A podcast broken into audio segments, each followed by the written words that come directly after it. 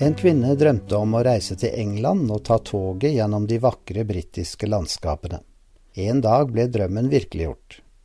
Men så var hun opptatt av vinduene og temperaturen, hun omplasserte bagasjen og klaget på plassen hun hadde fått tildelt.